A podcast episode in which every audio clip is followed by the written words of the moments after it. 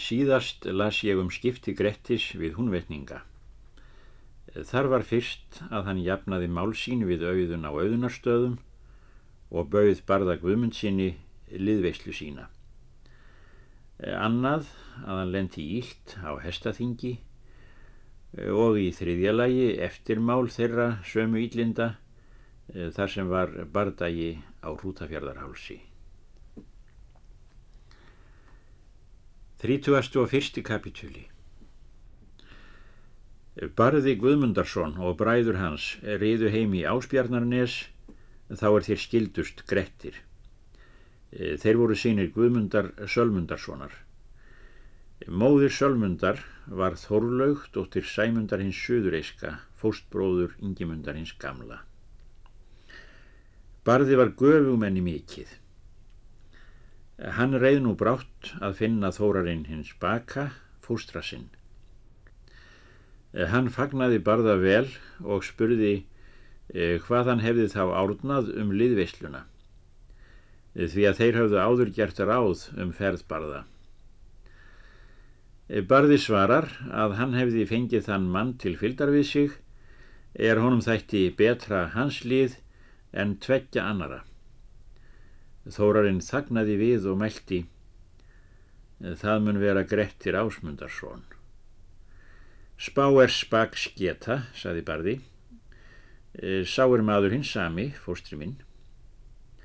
Þórarinn svarar. Satt er það að mikið afbræðir Grettir annara manna þeirra er nú er kostur á voru landi og að seint mun hann vopnum verða sóttur ef hann er heill. En mikill ofsi er honum nú í skapi og grunar mig um hversu heilladrjúur hann verður. Og myndu þess þurfa að eigi síu allir ógæfumenn í þinni ferð og nómun að gert þó að eigi fari hann með, skal hann hverki fara ef ég ræð. Egi varði mig þess, fóstri minn, saði barði, að þú myndir fyrirmuna mér hins vaskasta manns, hvað sem í gerist. Má eigi fyrir öllu sjá, þá er menn verða svo neittir til sem ég þykist vera. Duga mun þér, saði Þórarinn, þó að ég sjáu fyrir. Var það nú svo að vera sem Þórarinn vildi, að Gretti voru engin orð send, en barði fór söður til borgarfjörðar og urðu þá heiðarvígin. Grettir var að bjargi er hann frétti að barði var söður riðin. Hann brást við reyður er honum voru engin orð ger og hvað þá eigi svo búið skilja skildu. Hafðið hann þá spurn af nær þeirra væri sunnan von og reið hann þá ofan til Þórejar gnúps og ætlaði að sitja þar fyrir þeim barða þá er þeir riðu sunnan. Hann fór frá bænum í hlýðina og beigð þar. Þennar sama dag riðu þeir barði sunnan af tvítæru frá heiðarvígum. Þeir voru sex saman og allir sárir mjög. Og er þeir komu fram fyrir bæin, mælti barði. Maður er þar upp í hlýðinni, mikill með vopnum eða hvern kenni þér þar? Þeir sögðust eigi vita hver var. Barði mælti. Það hygg ég, sagði hann, að þar sé Grettir Ásmundarsson og ef svo er, þá mun hann vilja oss finna. Get ég honum hafi mislíkað, er hann hefur eigi farið með oss, en mér þykir vér nú eigi vel við látnir ef hann gerir nokkra óvissu af sér. Mun ég nú senda eftir mönnum heim til Þórejar Gnúps og eiga ekki undir ójafnaði hans. Þeir segja það allráðlegt og svo gerðu þeir. E, síðan ríðu þeir barði veksinn. E, Grettir sá ferð þeirra og sneri þegar fyrir þá og er þeir fundust heilsa hvorir öðrum. E, Grettir spurði að tíðindum en barði segir ófelmtlega slík sem voru. Eh, Grettir spurði hvað manna væri í ferð með honum. Barði hvað þarf vera bræður sína og Eyjólf másinn. Af þér hefur þú rekið ámælið nú, saði Grettir, en það er nú og næst að við reynum með okkur hvor hér má meira. Barði meldi. Leið hafa mér andvirki nær gardi en að berjast við þig fyrir sakleysi. Andvirki merkir hér að líkindum bústörf. Og þykist ég nú hafa rekið það af mér. Grettir svarar. Bleiðast þykir mér þú barði, saði Grettir, ef þú þorir eigi að berjast við mig. Kallað þú það sem þú vilt, segir barði, en í öðrum stað vildi ég að þú kæmir fram ójafnaði þínum en við mig, er það eigi ólíklegt því að nú gengur úr hófi offors þitt. Gretti þótti yllar spár hans og efar nú fyrir sér hvort hann skildi ráða til einhvers þeirra og sínist honum það óforsjárlegt er þeir voru sex en hann einn. Og í því byli komu menn heima frá Þórejargnúpi til liðs við þá barða, lætur Grettir þá dragast sundur með þeim og snýr til hests síns, en barði og hans félagar fóru leiðarsinnar og varð ekki af kveðjum með þeim að skilnaði. Ekki áttust þeir barði og Grettir fleira við svo að þess sé getið. Svo hefur Grettir sagt að hann þóttist örugur til viks við flesta menn þó að þrýr væru saman. En hann myndi eigi flýja fyrir fjórum að óreindu. En því aðeins berjast við fleiri nema hann ætti hendur sínar að verja. Eftir skilnað þeirra barða fór Grettir aftur til Bjargs. Þá þótti Gretti mikið mein er hann mátti hvergi reyna aflsitt og fréttist fyrir ef nokkuð væri það er hann mætti við fást.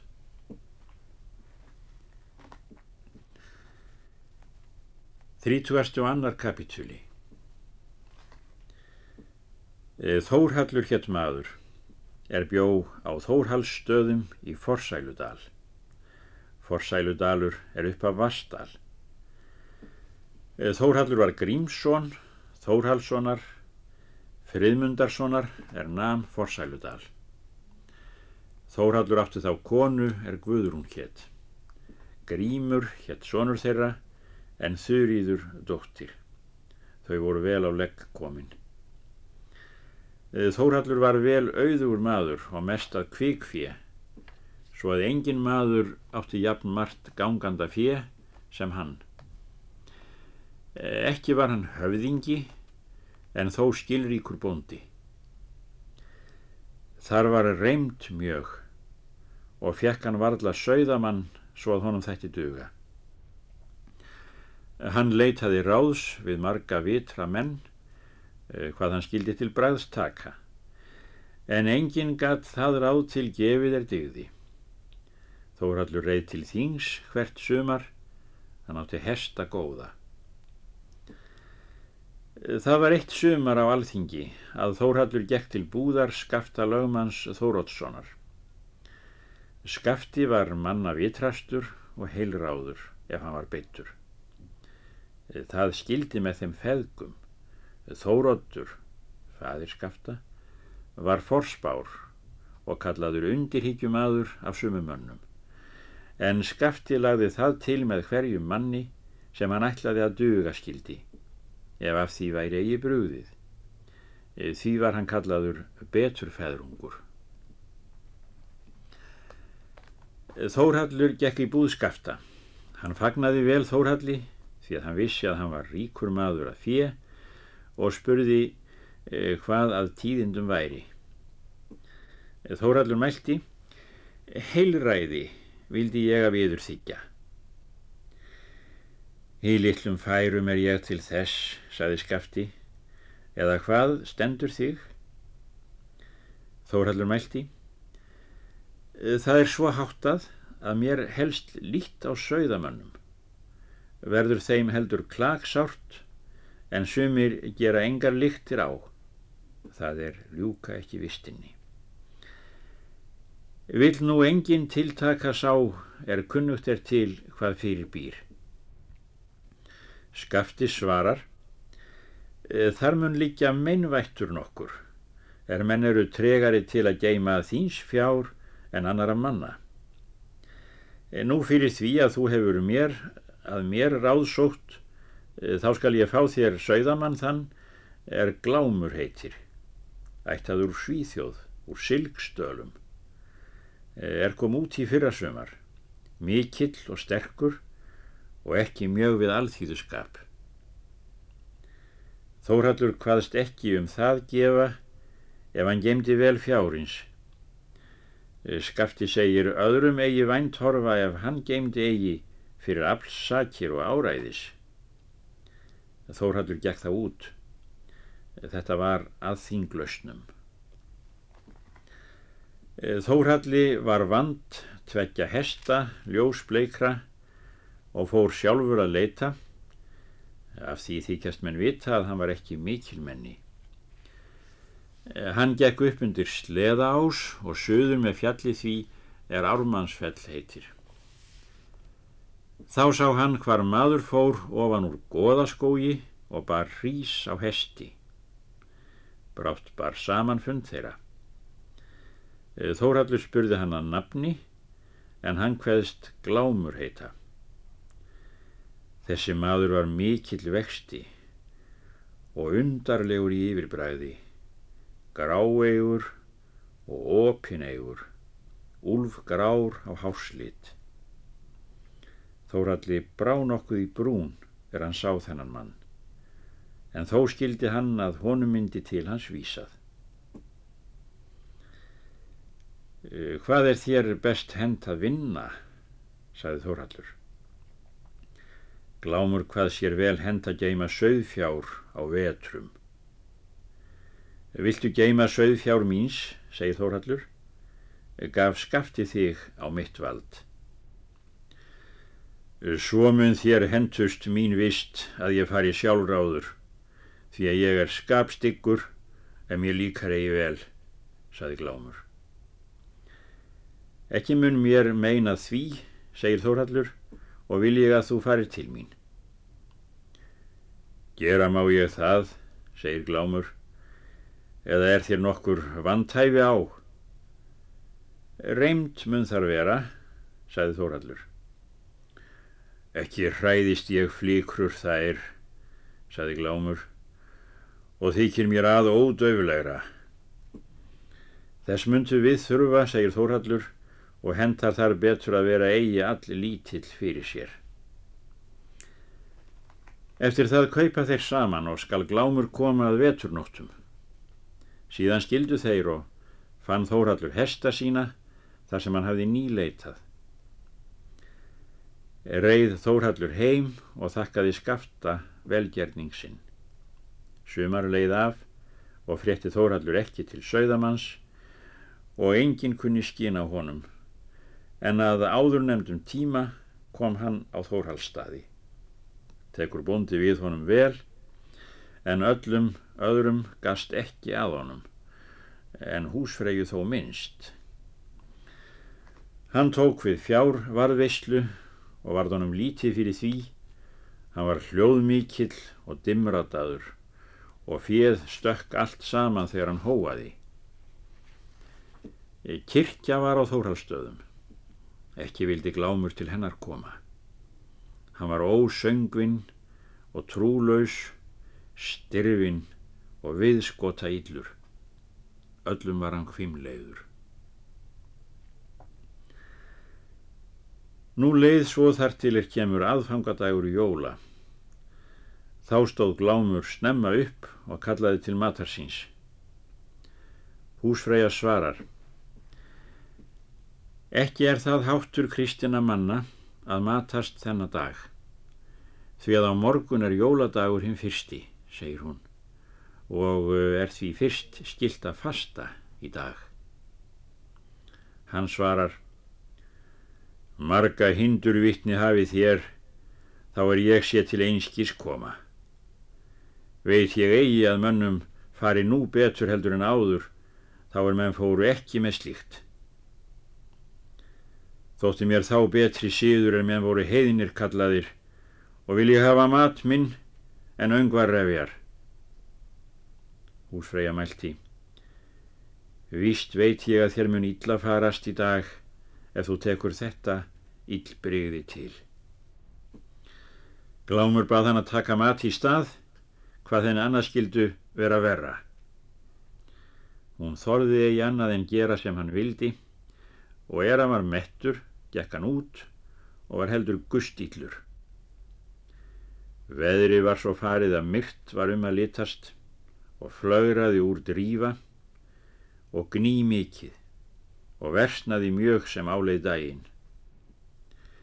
Heyrðumenn til sögðamanns, öndverðan daginn, en miður er áleið daginn, tók þá að fjúka og gerði á hríð um kvöldið. Komu menn til tíða og leið svo fram að dagsetri. Egi kom glámur heim. Var þá umtalað hvort hann skildi eigi leita, en fyrir því að hríð var á og niða myrkur, þá var þeir af leitinni. Kom hann eigi heim jólanóttina. Býðum en svo fram um tíðir. Að ærnum degi, það er þegar orðið var nægilega bjart, fórum enn í leitina og fundu fjöð víða í fönnum, lamið af ofviðri eða hlaupið á fjöll upp. Því næst komu þeir á traðk mikinn ofarlega í dalnum.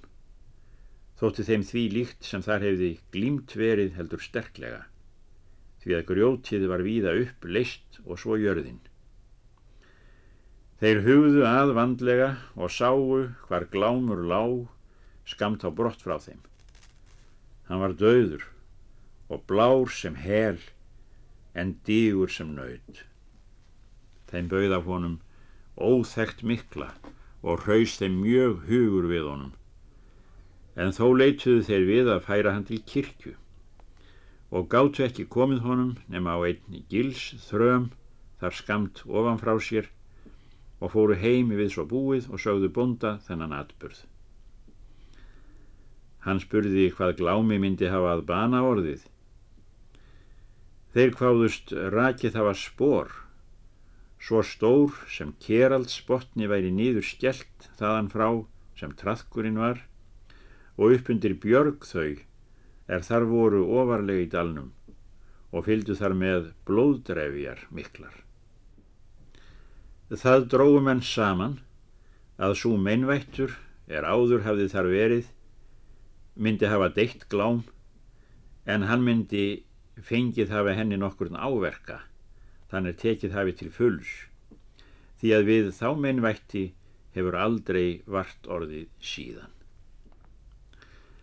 Annan dag jóla var farið að leita við enn að færa glám til kirkju. Voru eikir fyrir beittir og gáttu þeir hvergi færtan þegar sléttlendið var og eigi var forbrekkis að fara. Það er ofan brekku. Gengu nú frá við svo búið. Hinn þriðja dag fór prestur með þeim og leituðu allan daginn og glámur fannst eigi. Egi vildi prestur oftar til fara en sögðamaður fannst þegar prestur var eigi í ferð. Eh, Letu þeir þá fyrir vinnast að færa hann til kirkju og dísjuðu hann þar sem þá var hann kominn. Littlu síðar urðum en varir við það að glámur lág eigi kyrr. Varð mönnum að því mikið megin svo að margir fjall í óvit ef sáu hann, en sumir heldu eigi vitinu.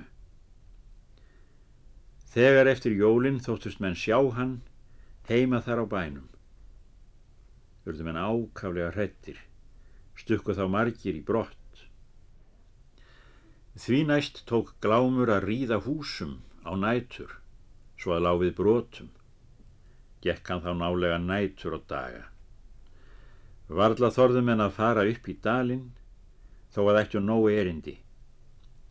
Þótti mönnum þar í héræðinu mikið megin að þessu. 33. kapitúli Um vorið fekk Þórhallur sér hjón og gerði bú á jörðu sinni, tók þá að minka afturgangur meðan sólargangur var mestur. Leið svo fram á miðsumar. Þetta sumar kom út skip í húnavatni. Þar var ásá maður er Þorgautur hétt. Hann var útlendur að kyni, mikill og sterkur. Hann hafði tveggja manna afl. Hann var laus og einn fyrir sér. Hann vildi fá starfan okkur því að hann var félaus. Þórhallur reið til skips og fann Þorgaut. Spurði ef hann vildi vinna fyrir honum. Þorgautur hvað það vel meiga vera og hvaðst eigi vanda það.